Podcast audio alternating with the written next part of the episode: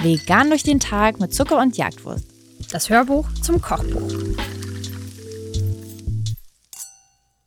Wir kommen jetzt wieder zu einem Rezept, bei dem wir ganz simple Zutaten genommen haben und mit so ein paar Tricks aus was ziemlich simplen, was ziemlich Schönes gemacht haben. Ich finde, es ist der vielleicht schönste Kuchen im ganzen Kochbuch Echt, und du? wir können ihn direkt reinholen. Max, mit dem wir dieses Hörbuch aufnehmen, hat vor wenigen Sekunden vor dieser Aufnahme gesagt, dass der Kuchen krass aussieht. Und dieses Feedback bekommen wir ja ähm, ziemlich oft bei dem. Ja, aber es ist tatsächlich, ähm, Das ist ein Poser. Das ist ein ja, es Poser. ist schon ein bisschen poseriges Rezept. Also im Endeffekt muss man wirklich sagen, dies, dieser Kuchen ist ein ganz simpler Teig und ihr könnt diesen Effekt mit jedem Kuchen erzielen. Darf, also der Marmorkuchen hat eigentlich mit diesem Rezept nicht viel am Hut. Er zeigt, dass ihr alles werden könnt. Ja, genau. Aus, aus sehr langweiligem, spröder Marmorkuchen. Ihr könnt aber einen Biskuitteig reingießen. Eigentlich ist es scheißegal, was ihr für einen ähm, Teig da reingießt.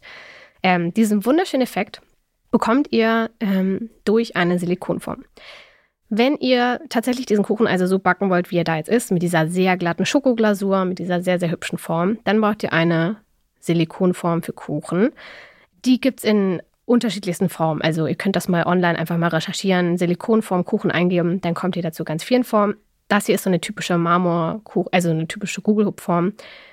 Aber der große Trick geht eigentlich folgendermaßen. Ich komme mir vor, als wäre ich so ein Zauberer, der jetzt eine Zirkusshow hier, ähm, eröffnet. Naja, so krass ist es jetzt aber auch nicht. Im Endeffekt backt ihr euren Kuchen in dieser Silikonform. Also ihr gießt euren Teig einfach in die Silikonform, backt das, lasst das abkühlen und fummelt dann euren Kuchen aus dieser Silikonform heraus. Dann habt ihr eigentlich nur einen Kuchen gebacken. Hey, klasse.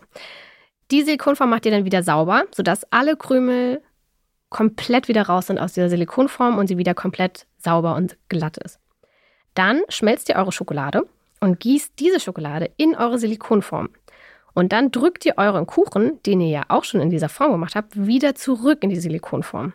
Und das lasst ihr dann am besten über Nacht auf jeden Fall lang genug im Kühlschrank stehen, sodass die Schokolade komplett fest wird.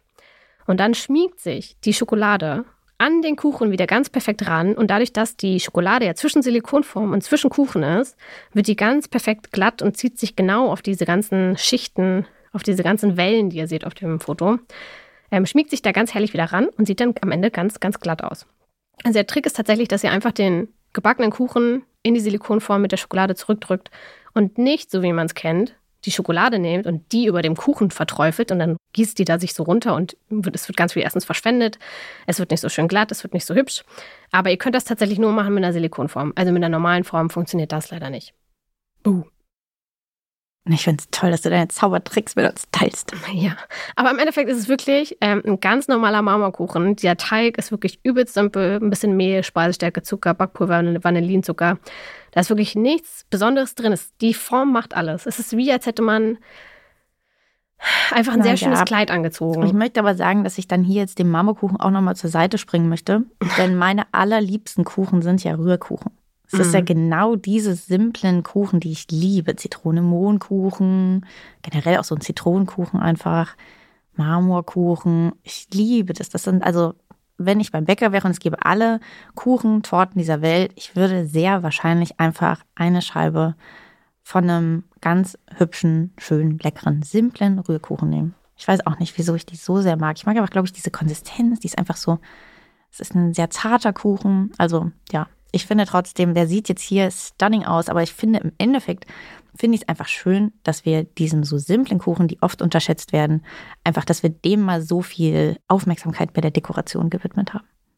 Das stimmt. Und man muss ja auch dazu sagen, ihr könnt den Marmorkuchen natürlich auch einfach in einer ganz normalen Springform oder in einer ganz normalen Brotbackform backen. Das funktioniert natürlich genauso. Also den Teig würde man genauso verwenden, auch in jeglicher Form. Und es wird ein ganz, ganz schöner, saftiger Kuchen. Also als ich diesen Marmorkuchen mal mitgebracht habe zum Geburtstag meiner Mutter, glaube ich, ähm, hat die, glaube ich, den halben Kuchen innerhalb von einer halben Stunde aufgegessen. Das war auf jeden Fall Verstehe ich. fühl ich. enorm. Ähm, Den also hätten es wir dann zu zweit geschafft. ja, ich tue meine Mutter. Ähm, also es ist wirklich ein sehr, sehr äh, saftiger, ähm, süßer Kuchen. Es ist ein ganz leckerer Marmorkuchen und überhaupt nicht das, an was vielleicht manche denken bei einem Rührkuchen, an so einen sehr sandigen, trockenen, Mhm. ausgetrockneten Kuchen. Ähm, das ist dieser Marmorkuchen auf jeden Fall nicht. Und den Trick mit der Glasur, den könnt ihr natürlich auch bei jedem anderen Kuchen machen. Ich finde es auf jeden Fall gut, dass du auch nochmal geschrieben hast, ähm, in Schritt zwei, wie man den Teig in die Form gibt. Denn ich finde beim Marmorkuchen, ich habe, also ich finde bei vielen Rezepten ist es irgendwie, man macht ja zwei Teige, also beziehungsweise macht man erst einen Grundteig, dann nimmt man ein bisschen was davon ab und dann kann man da das Kakaopulver reingießen. Man kann übrigens auch Mohn dazu geben. Haben wir auch ein ähm, Rezept mhm. auf dem Blog, wo wir einen Marmorkuchen aber mit einem Mohnkuchen sozusagen verbinden. Und ich fand, ganz oft stand in solchen Rezepten, als ich angefangen habe zu backen, dass man den hellen Teig erst in die Form gibt, dann gibt man den dunkleren Teig drauf und dann verswirlt man das. Mhm. Ich finde, das funktioniert überhaupt nicht. Also ich habe da noch nie eine schöne einen schönen Marmorkuchen draus gekriegt, weil so sehr kann man den gar nicht verswirlen, mhm. dass sich das gleichmäßig verteilt. Deswegen ähm, dieser Punkt, dass man lieber den Teig abwechselnd in eine Form gibt, finde ich super essentiell bei einem Marmorkuchen, wenn ihr wirklich ein schönes Muster wollt.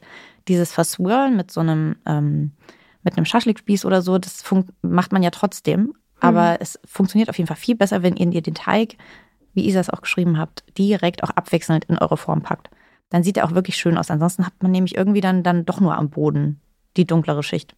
Ja, es ist dann schon noch viel Glück mit bei, dass es dann wird. Ihr könnt natürlich auch einfach das Swirlen am Ende lassen. Dann habt ihr einen schönen gestreiften Teig. Ist auch süß. Nennt man das dann nicht Zebrakuchen? Ja. Ja, dann habt ihr einen kleinen Zebrakuchen. Aber es ist vielleicht auch ein bisschen viel dann mit der Form und allem. Naja, wie auch immer. Jetzt haben wir viel geredet um unseren wunderschönen Marmorkuchen. Viel Spaß damit.